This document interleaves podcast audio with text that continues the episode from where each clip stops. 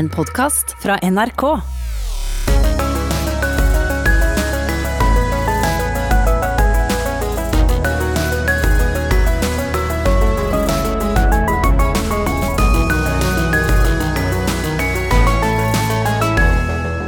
Han bor i et av landets mest luksuriøse hytteområder og ser badegjestene invadere øya si om sommeren. Hun er en av hyttegjestene som ble erklært uønska i skjærgårdsparadiset i vår.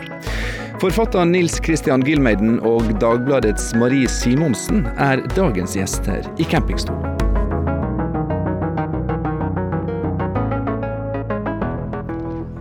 Ja, velkommen til en ny episode av sommerserien To i campingstol. I dag fra Sandø på Hvasser i Færder kommune.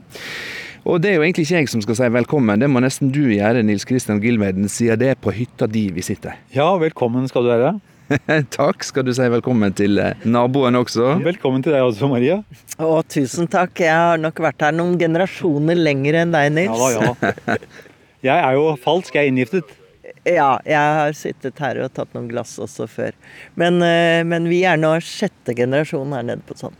Ja, Vi skal snakke om eh, mye som rører seg her nede på sommeren. Dagens tema er nemlig eh, forskjellen på fastboende og eh, hyttegjester, hytteforbud og hyttehat. Vi skal eh, spole tilbake i tid til hytteforbudet som kom over oss i vår, medan vi eh, sitter her og nesten skimter fæder fyr bak den høye hekken til Gilmeiden. Og så skal vi snakke om eh, hva det var som lå bak konflikten som blussa opp mellom fastboende og hyttegjester, og hva kjensler som kom i kok den gang. Badegjest Marie Simonsen, det er et eh, nokså belasta begrep som blir brukt av de fastboende her nede i Tjøme-Hvasser-traktene. Det er det absolutt. Eh, Nå har min familie vært her i mange generasjoner, som sagt. Så, vi er, også, er her ofte og, og pleide å være her på 17. mai. Og da er det alltid tale på Nessletta. Og det er alltid med litt sånn nødrym og sånn, så er det alltid med ordet badegjest. Og det er alltid en dobbeltbunn i det lille hyllesten til badegjestene. Vi ønsker dere velkommen, men æsj, nå kommer de ekle badegjestene igjen. Nils Kristian, du bruker å holde tale på, eh, på en sånn årlig fest her nede, som i år ble kansellert. Ja, Men du òg strør om deg med ironien i dette ordet badegjest. Ja, jeg gjør det. Altså, jeg begynte jo selv som badegjest, øh, og det er, litt derfor jeg gjør det. Jeg- flyttet, min kone og jeg og våre to barn flyttet fra Oslo til øh, Tjøme øh, i 1999. Og har jo sånn sett bodd lenger her enn noe annet sted.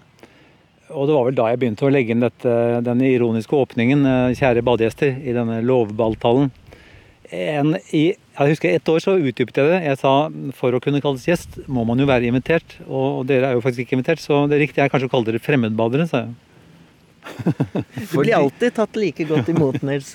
Fordi jeg har tenkt eh, om dette når jeg sjøl har blitt omtalt som en badegjest på Tjøme, så har jeg tenkt at eh, dette uttrykket blir brukt på samme måte som enkelte omtaler folk med en annen etnisitet. Enten de snakker om dem som innvandrere eller våre nye landsmenn. Det ligger noe litt sånn grumsete, ikke helt bra bakom der. Er det slik, Nils? Ja, det er det. Altså, saken er jo at det er med oss mennesker sånn at hvis, vi, hvis to russ øh, ødelegger for resten, øh, voldtar eller knuser, sant, så er de med på å stemple russen. Det finnes to-tre badegjester som også oppfører seg uartig, som han sa i gamle dager. Og de har en tendens til å skape dårlig inntrykk av resten. Selvfølgelig er det like mange bra badegjester som fastboende. Liksom. Det, er, det er bare det ulykkelige med oss mennesker. At det er noen få som ødelegger for ryktet til alle de andre. Det gjelder jo mange grupper, eh, men det tror jeg er tilfellet. Jeg har også truffet noen verstinger.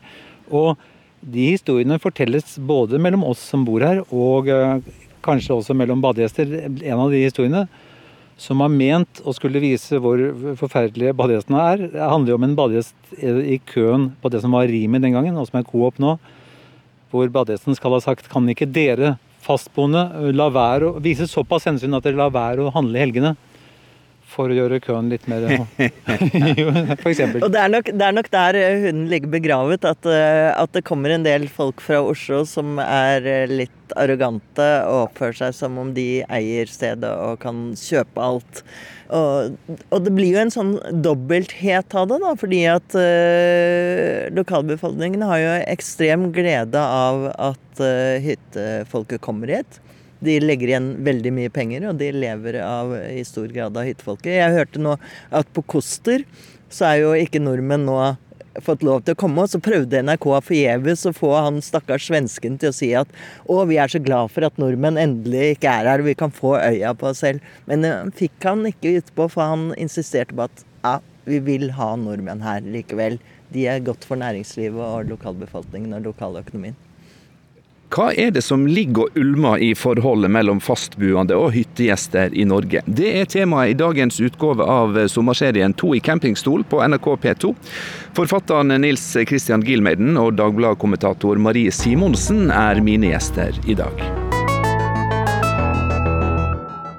Ja, Vi sitter altså på hytta til Nils Kristian Gilmeden og kona på Sandø på øya Hvasser i Færder kommune. Og det er ikke bare han og Dagbladet-kommentatoren som har hytte her i området, det har også kongefamilien og eh, mange av de mer kapitalsterke sommerturistene fra Østlandet. Og her nede går hyttene gjerne for femsifra beløp. Og midt iblant eh, de så spankulerer frilanseren og forfatteren Nils Kristian Gilmeiden. Du er jo i tillegg til å ha hytte her på Sandø, fastboende på øya rett nord, Tjøme. Ja. Så du er jo også en av de som ser badegjestene komme om sommeren? Ja, jeg er jo både badegjest og fastboende, så jeg prøver å se det fra begges eh, synsvinkel. Jeg begynte jo som badegjest, eh, vi flyttet hit for 21 år siden. Men jeg føler meg som begge deler, og jeg kan jo forstå konflikten. fordi det er, som du antydet i åpningen der, at det er jo en stor sosial og økonomisk dimensjon, eller forskjell, på de som på en måte kommer uh, sommerstid, og de som bor her fast. Det har vært nyttig for meg, uh, og jeg tror for min kone også, å, å, flytte hit også fordi på en måte er det vel sånn med oss mennesker at vi, til, vi, tilhører en boble og vet ikke om at vi er i en boble før vi flytter ut av den. Mm. Og når vi kom hit, så skjønte vi at vi, eh, da så vi den boblen vi kom fra litt tidligere, faktisk. Det var veldig lærerikt. Du, du må forholde deg til mennesker som du aldri ellers ville mm, støtt på eller hatt nær kontakt med. Sånn var det egentlig å bli transplantert. Da måtte jeg, hadde, delte jeg noe med mm. mennesker som jeg aldri hadde truffet på en annen måte. Mm. Men det, det, du sier, Nils Kristian, er at du òg, når du flytta hit fra Oslo, du òg tråkka litt feil i begynnelsen? Jeg kunne vel føle at jeg ble mm, uglesett, men det er jo også en følelse som man kanskje er ute etter å finne næring til. Eh, det er klart at noen av de fastboende har et betent forhold med rette eller urette til eh, badegjester. Det må man respektere, mm, og det kunne jeg merke i begynnelsen. Og jeg vet ikke om det må gå tre generasjoner før det er over. Da skal man være ekte kjømling. Jeg føler at det går veldig greit nå. Jeg, eh, jeg vet, jeg er sikker på at de vet at jeg kommer for å bli. Eh, så nå er det over. Men jeg kunne føle selv at det var liksom at jeg bare forlenget ferien, på en måte. Mm. Marie, du sier at uh, de fastboende her, og selvsagt de andre hva skal vi si, hytteprega samfunn, så er de fastboende avhengige av eh, den turismen. Det handler om eh, inntekter og penger og arbeidsplasser. Men likevel så er det et elsk-hat-forhold. Det er det, og, det har jo nettopp med at kanskje noen badegjester kommer ned her og oppfører seg som om de eier stedet og de kan kjøpe alt og, og, de har masse penger og derfor kan ta seg til rette. Og jeg tror nok en del oppfører seg på den måten og dermed eh, bekrefter alle klisjeene om badegjestene. Men det er jo en slags rangering mellom badegjestene òg, da. Altså, min familie som har vært på Sandøy i seks generasjoner, vi føler liksom at vi også er litt hevet over mm. de som er nykommere. Fordi at eh, vi kjenner historien på Hvasser, og vi kjenner familiene på Hvasser som eh, bor her. Og, og, er også kjent av lokalbefolkningen på en annen måte enn nykommerne. Så, så det er en rangering hele tiden. Jeg tenker at eh, I Oslo så bor jeg på et eh, gammelt arbeiderstrøk som heter Kampen. Og der er det ikke lov å kalle seg for å være fra Kampen før du minst har bodd der i fire-fem generasjoner. For Det var jo for noen år siden, men jeg husker at du skrev en artikkel som het 'Vasser i penger'.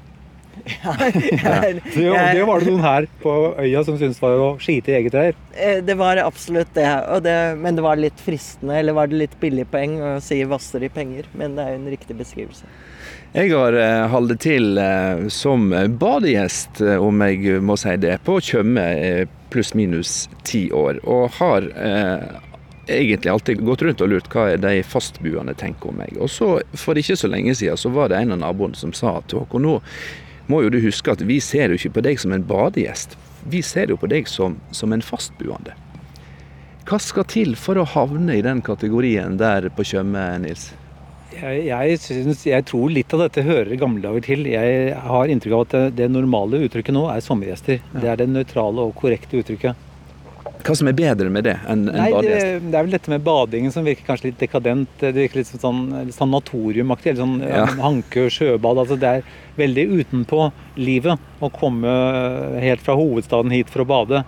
Det er jo ikke det de gjør heller. Så eh, sommergjest er nok det nøytrale og riktige uttrykket. Men, um, men jeg jeg vet ikke hva som skal til. Kanskje hjelper det. Du har ikke direkte strandlinje, så vidt jeg vet. Men... Jeg har ikke strandlinje, jeg har ikke Porsche, jeg har ikke irske settere. og jeg har ikke au pair. Jeg tror det hjelper å oppføre seg ordentlig. Eh, oppføre seg vanlig og oppføre seg sømmelig med å være den samme med alle. Være, oppføre seg takke. Og, og, eh, det er jo det noen badegjester ikke gjør. Eh, det er jo noen som brauter frem her, og de ødelegger for resten. Og så hjelper det å være mye, da. Altså, det er jo mange som eh folk får jo mer og mer fritid og er mye nede på hytta i stedet for. Og dette er jo halvannen time fra Oslo, så det er lett å komme ned. Mm. Det er en god del som er her året rundt, tror jeg. Vi sitter et eh, drøyt steinkast fra fjæra, og eh, båttrafikken her bak oss på vei inn til Sandøysund den eh, tar seg opp nå på kveldstid. Så dere får sikkert høre lyder både av store, raske båter og små, koselige snekker. Du hører på To i campingstol, sommerserien på NRK P2. Dagens gjester er forfatteren Nils Christian Gilmeiden og Dagbladets kommentator Marie Simonsen.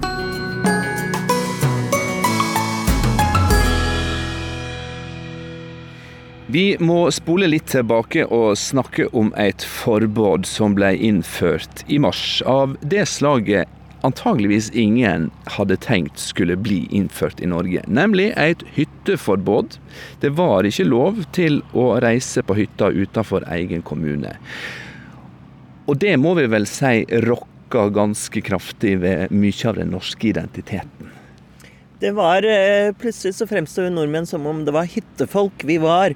Og at uh, nå kom pesten og krigen til landet, og da måtte vi flykte opp på hytta. Og der sto Erna og sa nei, det får dere ikke lov til. Og du hadde inntrykk av at lokalbefolkningen sto klar med børse og Høygafla, skulle holde, ja. ja, og holde de unna. Uh, jeg tror nok en del av det var litt medieskap, som jeg kan si siden jeg jobber i media selv. At, at det ble fokusert på på konflikten, fordi at de aller fleste nordmenn var jo Jeg er så overrasket over hvor pliktoppfyllende vi er og lovlydige vi er i den situasjonen. Vi gjør jo akkurat som Erna sier hver gang. Så, så de som brøt hyttereglementet, hadde inntrykk av at de eh, låste seg inn i hytta, slukket lys og lå på gulvet for å ikke bli oppdaget. Nils, hva var det hytteforbudet egentlig nøra opp under i den norske folkesjela? Eh, jeg vet ikke, men jeg er sikker på at veldig mange nordmenn, iallfall de nordmenn som har hytter og er glad i hyttene sine, jeg tror at mange har tenkt på hytta som et uh, tilfluktssted hvis en krise eller en krig eller et virus eller en svartedaud kommer. Det tror jeg stikker dypt. Uh, og som Marie sier, det mm, er jo sånn med nordmenn at vi er ekstremt lovlydige. Det er ingen, Vi har jo vært her, bodd her siden 12.3. Det er ingen som har overnattet annet enn oss to, min kone og meg. Mm. Og Nils var jo da så vennlig at han la ut masse bilder fra idyllisk eh, Sanne mens vi andre satt hjemme eh, innestengt i Oslo. Du syntes det var sadisme? Det var jo ment. Det var faktisk ment. det, var, det var litt slemt gjort, da. Men Nils Kristian, du kunne jo fordi du bor i Færder kommune og hytta di ligger i Færder kommune, så kunne du med den største selvfølge eh, sammen med kona di reise hit i påska. Ja. Og alt var jo sånn sett innenfor lovens bokstav. Men alarmen i lokalsamfunnet, den gikk. Ja da, det var et uh, par, jeg vet ikke hvem det var, men det var et par som ble intervjuet i lokalavisen Øyene på andre siden av sundet her. Og de sa at det er jo ikke alle, det er jo en del som, som tar seg til rette. Vi har sett at det lyser eh, på andre siden av sundet. Og da var det jo uh, vår rødstue de hadde sett lys i. Så vi må på en måte ble, vi ble angitt. Og det er litt sørgmodig del av en sånn krise at mange mennesker omdannes til angivere på et blunk.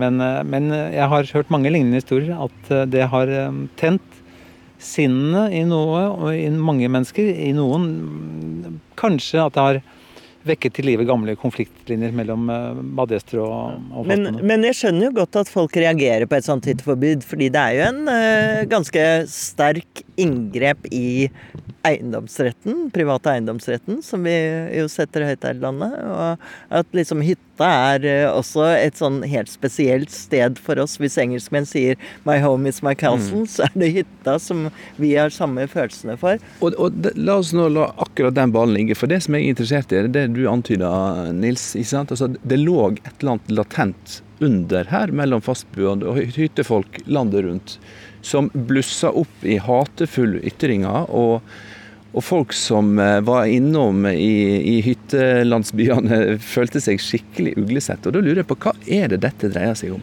Jeg tror det dreier seg om mye. Jeg tror det er mange forklaringer. Jeg tror eh, det at eh, det kommer så mange hit. Det er jo opptil 40 000 her på en, en julidag. Og ja, det er her, de, de forventer jo lege, legetjenester, og de forventer jo alt det, det som vi 4000 som bor her normalt har. Så de har høye forventninger. Kanskje det er det at det er eh, ikke bare en inntektskilde, men også en belastning i den tiden. Pelikanene er et annet ord. Jeg snakket med en fastboende, husker jeg det var ny her. Og jeg sa har du hatt ferie? Nei, du vet det blir ikke noe ferie på meg før pelikanene har reist. sa han. Jeg, eh, først var jeg naiv og tenkte jeg har ikke sett noen pelikaner her foreløpig. Men så skjønte jeg at det er også et bilde, det er et uttrykk de fastboende kanskje bruker på En, fremmed art, er det det? Ja, eller? de er jo, pelikaner ser jo eh, mistilpasset ut. Ja. det er vel kanskje med fargen de har og de høye bena og det, det forfinede. Men akkurat nå med koronatiden så var det jo en reell trussel òg, da. Altså, du hadde jo bygder og lokalsamfunn hvor det ikke var én eneste smittet, og så visste du at, at uh, Oslo var en uh, sydende pøl av smitte. Mm. Uh, det er jo i hovedsak liksom Oslo korona har slått ut i full blomst. Nå er den jo litt borte igjen. Men, eh, men, eh, de hadde jo grunn til å frykte at Oslo-folk skulle ta med seg smitten. Mm. Jeg må jo tilstå, jeg var her i, eh, i påska på Tjøme på en Ja, det ble en dagstur. Fordi min lille plan om å kanskje overnatte helt umerka én natt før jeg returnerte, den ble kansellert da jeg var på butikken. Og fikk grei beskjed av den unge mannen i kassa at uh, hyttefolk har ingenting her å gjøre nå. Da gikk jeg og pakka bagen og for tilbake til Oslo. Er det slik at når du tar denne underliggende, ulmende relasjonen mellom fastboende hyttefolk og tilsetter en dose frykt og irritasjon, så smeller det, Marie? Det tror jeg vi har sett eh, flere steder eh, under koronaepidemien. At folk er eh, De ser jo at folk er aggressive av og til hvis de møter i butikken og det går litt over intimitetsgrensen. ikke sant? Og det dukker opp sånne reaksjoner som du ikke hadde ventet at nordmenn hadde i omgang med hverandre. Og det er nok frykten. Men så kan det jo hende at det er noen som bruker den anledningen også til å si at hei, hei, dere er ikke velkomne her, så hold dere hjemme hos dere selv. Men uh, jeg er litt enig med Nils, altså at, uh, at det der med badegjestene og, og, den voldsomme konflikten der har uh, roet seg litt. Grann, var mer uttalt før. Ja, jeg tenker når det gjelder denne konflikten at den er litt medskapt, som Marie sa. Det tror jeg på. Iallfall i henhold til mine egne erfaringer. Og så vil jeg si at jeg jeg er også sikker på når mediene, når NRK og avisene skaper frykt døgnet rundt om korona i uke etter uke og måned etter måned, da blir faktisk folk redde for at det er en svartedaud. Eh, og når, man, når, folk blir redde, så blir de også aggressive. Da blir de tvunget til kanskje å angi. De blir, eh, man sier jo at såpass mye går galt i USA fordi alle er redde og alle har våpen. Eh, her hadde de ikke våpen, men de har altså andre ting. Når folk blir redde, så er det vanlig at de blir rasende. Og det var det mange som ble fordi de var redde. Så jeg mener jo at mediene må ta sin del, som absolutt sprer i, i månedsvis frykt hver eneste dag døgnet rundt. Eh, nå var den heldigvis ikke så alvorlig som man kanskje kunne tro, kanskje fryktet. Men jeg har jo vært på, nå, på den turen alle har vært på i sommer, eh, til Nord-Norge. Og det var en slags pilegrimsreise for meg og søsknene mine som er vokst opp i Bodø. Eh, så det var veldig hyggelig. Norge er jo en parodi på seg selv. Det er jo bare nydelig og vakkert. Men jeg må innrømme at hver gang jeg så en svensk bil, mm. ja særlig svenske biler, eller en tysk bil Dette var før, eh, før innreise eh, at det ble tillatt at tyskere kunne komme. Så Så jeg ja, jeg, vurderte, jeg vurderte et øyeblikk å gå tilbake til barndommens sysler og notere Bilnummer. bilnummer. Du var inne på det Nils Kristian, i stad, eh, dette med by-land. Hvis vi ikke skal snakke så mye om akkurat korona og hytteforbudet, men altså hyttefolk, fastboende. Vi er nå på, på Hvasser. Eh, Dette er et eldorado for eh, folk med god økonomi for, fra Østlandet. Mange av de som sitter og hører på nå, har ei lita hytte oppå et fjell, eller bor i en liten kommune der det er fire ganger så mange hytter som det er hus, og finner sin næring eh, i hyttemarknaden. Og Da lurer jeg tilbake på dette eh, asymmetriske forholdet. Er det en sånn klassisk by-land-tendens? Det er sikkert eh, en av aksene som spiller inn her, det tror jeg nok. Eh, By og land eh, er en av konfliktaksene her. Men det er jo den klassiske konflikten over hvor man ser i alle land, egentlig. Og det vi kanskje ser en forandring her i Norge, er jo at den ekstreme rikdommen som eh, har oppstått blant eh, enkelte. Altså Før så visste vi hvem som var, var mangemillionæren, som vi kalte ham. Eh, mens nå er det langt flere av det, og jeg tror at det er større, større avstand mellom de som har og de som ikke har, som kanskje kan skape større konflikter igjen. Men vi bor der vi bor, eh, på Hulebakk eh, på Tjøme. Det er et kvarters reise herfra. Der ser jeg jo at eh, badegjester eller sommergjester og fastboende omgås. De går på besøk til hverandre, de går på, til middag til hverandre, de bader sammen. Det er, da skjønner man at det er medlemskap. Det er full fordragelighet den omgangen skjer. Og sånn, Det tror jeg er hovedregelen, heldigvis. Og nå bidrar vi kanskje til en sånn medieskapt eh, økende forskjell mellom fastboende og hyttegjester, når vi snakker så mye om det? Men dette er jo ikke et sted eh, de fleste er eh, tre uker om sommeren. Det er liksom et sted som har vært i familien i generasjoner. Eh, Barn har voldsom tilknytning til det. Det er dette eh, smultronstellet fra barndommen som du husker og kommer tilbake til. Eh, Det er mange tradisjoner knyttet opp til hytta på en måte som kanskje er enda sterkere enn noe du har i byen. Eh, Der flytter du jo fra sted til sted ofte. Og det blir ekstra sterkt for byfolk. Ja, jeg tror, så det er veldig sterk tilknytning. Det vil jeg understreke, og det tror jeg at mange av de som bor her også føler at vi har. Dette er jo en av de første liksom, Ytre Oslofjord var vel noe av det første stedet som ble befolket med hytter. Så det har vært der siden tidlig forrige århundre. Nesten alle mm, hyttefolk er eh, konservative. De vil gjenta gamle dager. Marie vil gjenta sin barndom, og jeg vil gjenta min. Man bevarer eh, bedre kanskje enn mange fastboende, for de har jo et boligforhold til eh, sine bosteder. Mens nesten alle hyttefolk vil ha det sånn som det var på mors og fars og gjerne på mormors eller besteforeldrenes tid.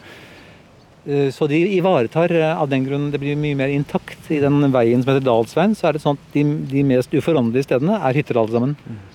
For det er, det er på en måte pakten. Så Folk vi er egentlig eh, Vi badegjestene, de forferdelige badegjestene, er de som tar vare på kulturen og tradisjonene. Ja, ja så som vi gjør det som gamle. Det blir jo sagt at da Lenin skulle gjennomføre revolusjon, så kunne han jo ikke lokke med kollektivbruk og sånt noe. Hadde han det som funket, hadde han lovet bøndene at de skulle få det som i gamle dager. Og det er det hyttefolk prøver, å ha det som i gamle dager. Når sommeren kjem, da blir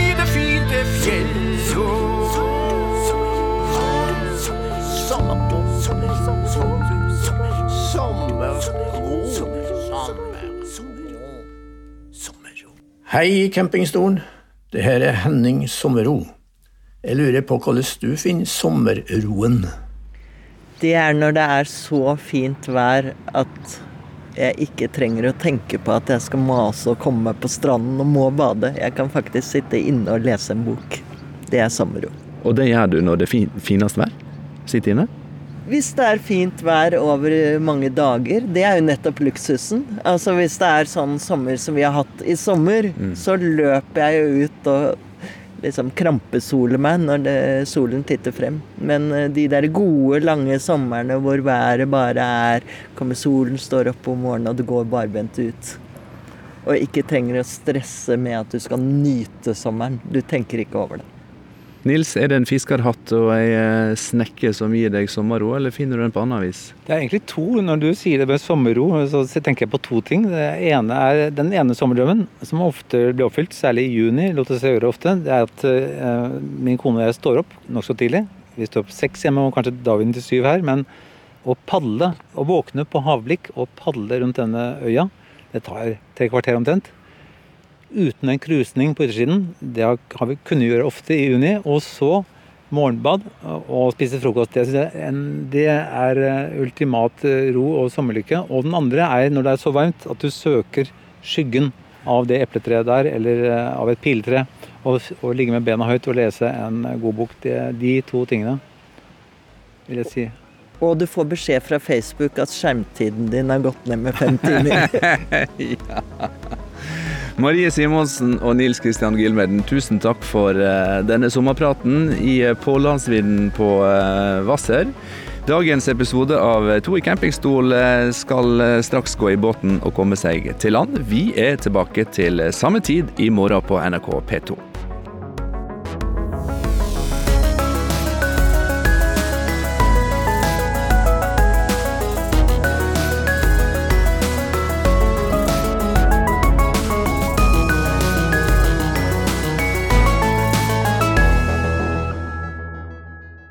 Hørt en podkast fra NRK.